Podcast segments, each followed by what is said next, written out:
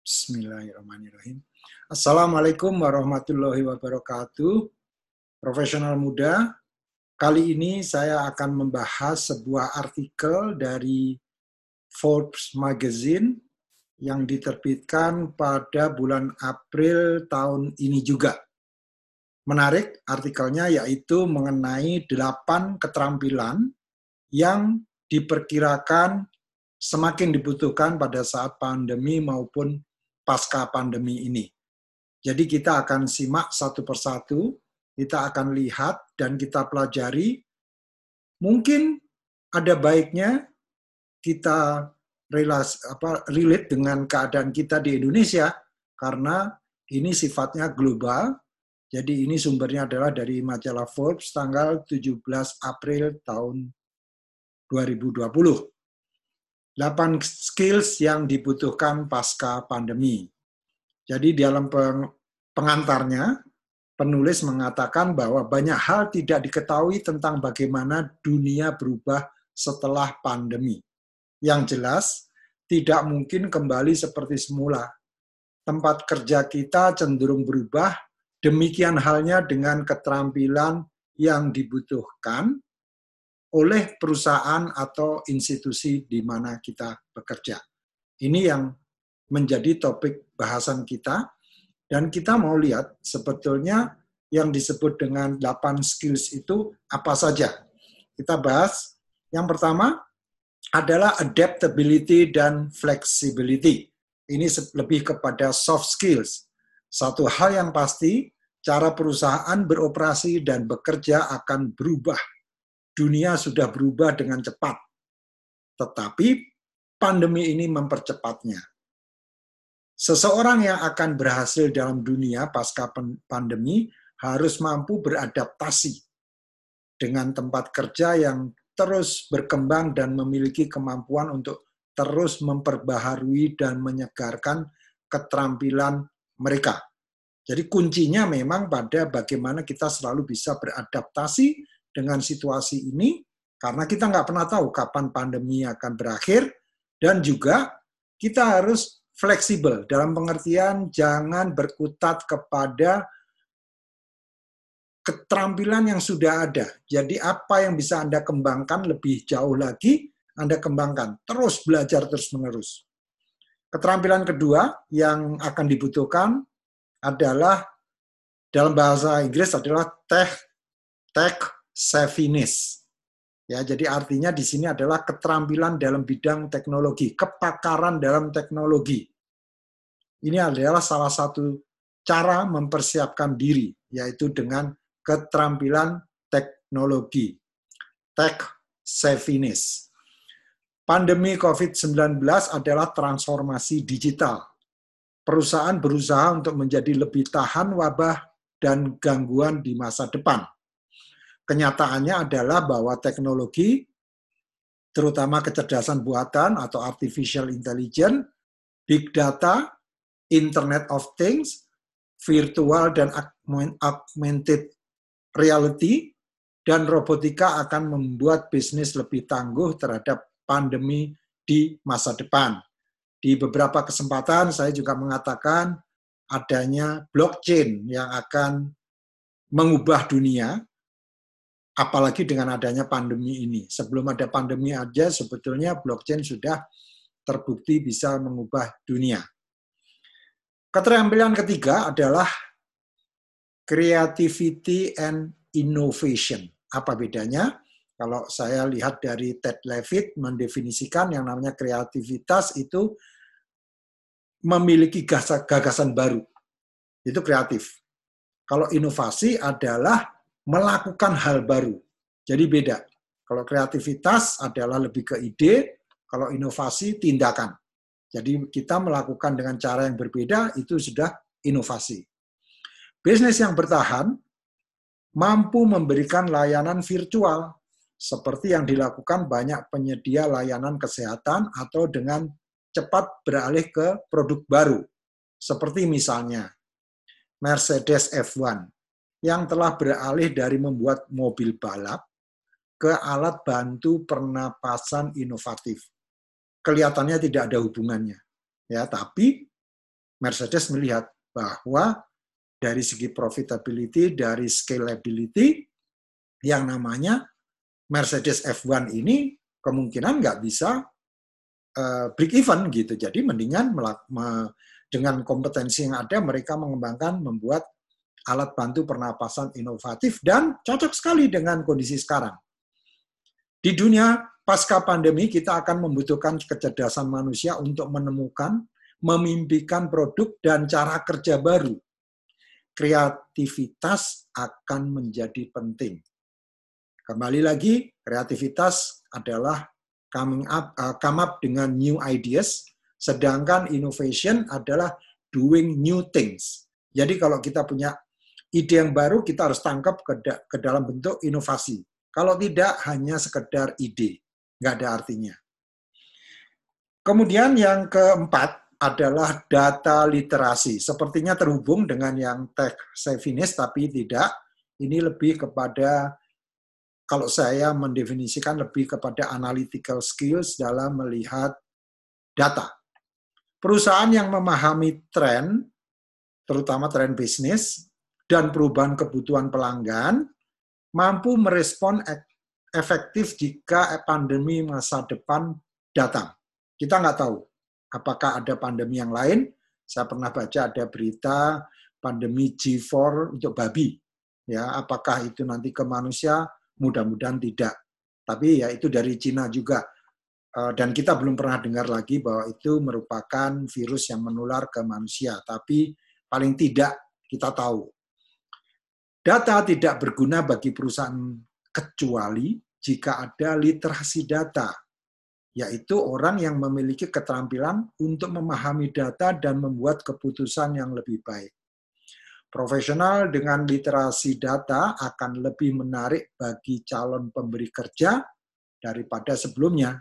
Jadi pemberi kerja sekarang mencari pekerja yang benar-benar bisa menganalisa data dan connecting the dots gitu. Jadi oh data ini seperti ini, data ini seperti ini, data pelanggan, data produk, data pasar, data apa pesaing dan akhirnya menyimpulkan bahwa kita harus melakukan seperti ini. Dan itu hanya bisa terjadi kalau kita memiliki kemampuan literasi data. Jadi kita aware mengenai makna data itu apa. Kemudian yang kelima adalah saya catat juga di sini critical thinking.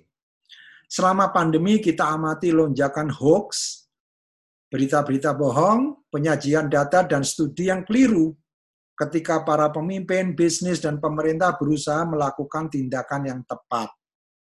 Orang yang secara objektif dapat mengevaluasi informasi dari berbagai sumber untuk menentukan apa yang dapat dipercaya akan mendapat apresiasi.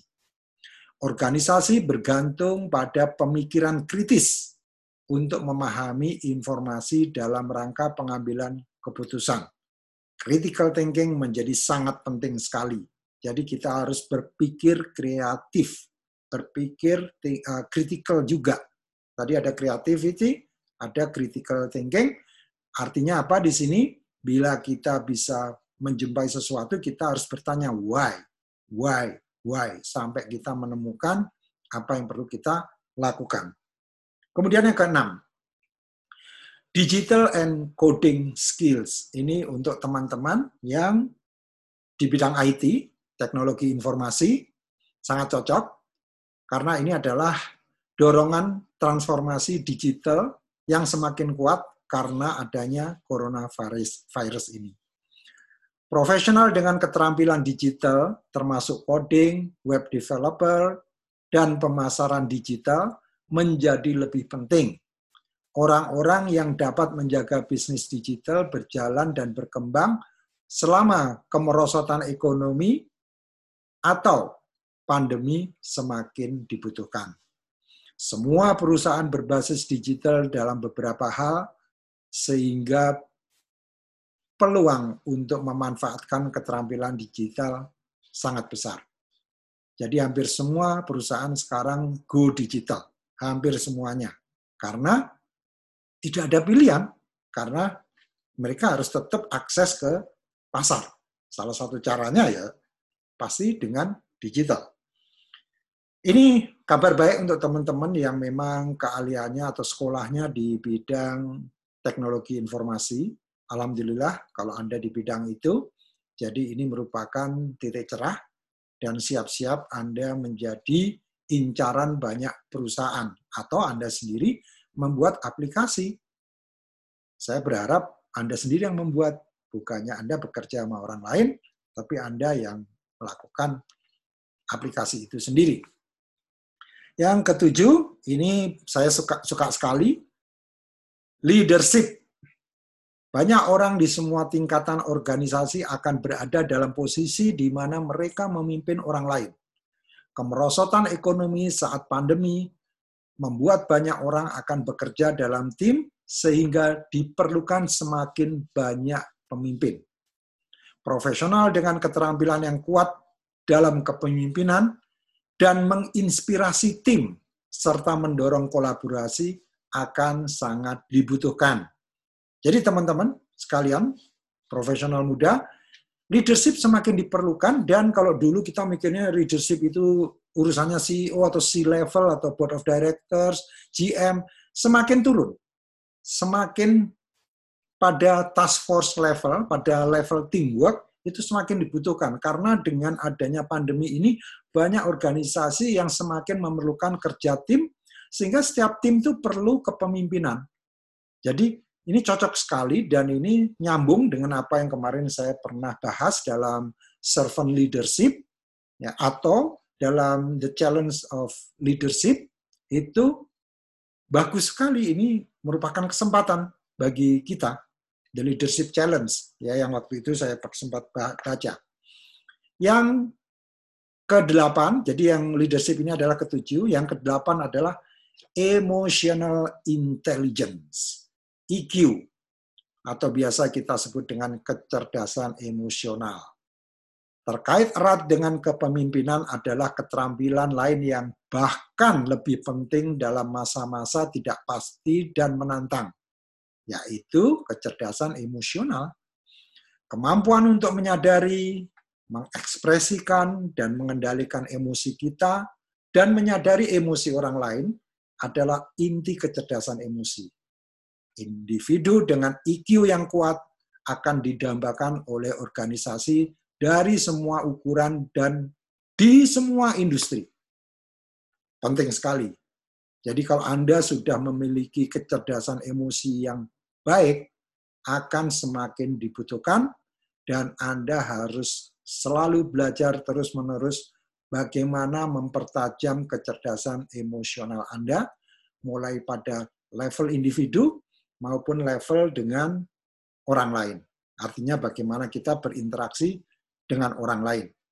Nah, inilah delapan hal yang sangat dibutuhkan di dalam era ini maupun era setelah ini.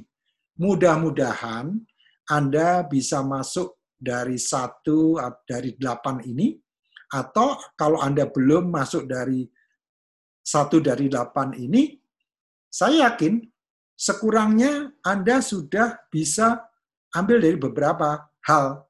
Nggak hanya satu, Misalnya emotional intelligence, leadership, dua. Kemudian critical thinking, tiga. Kemudian adaptability and flexibility, empat. Jadi nggak ada alasan Anda tidak bisa mengembangkan soft skills ini. Semuanya bisa dipelajari. Jadi jangan pernah merasa khawatir bahwa ini seolah-olah menjadi suatu hal yang spesifik dimiliki orang-orang atau level tertentu.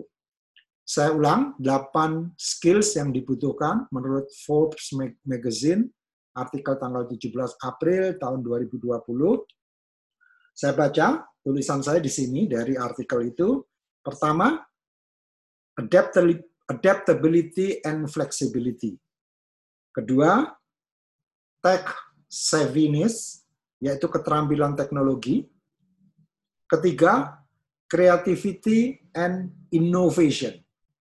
Keempat, data literacy. Literasi data. Jadi pemahaman kita terhadap data. Kelima, critical thinking. Keenam, digital and coding skills. Tujuh, leadership. Dan kedelapan, emotional intelligence. Menarik sekali.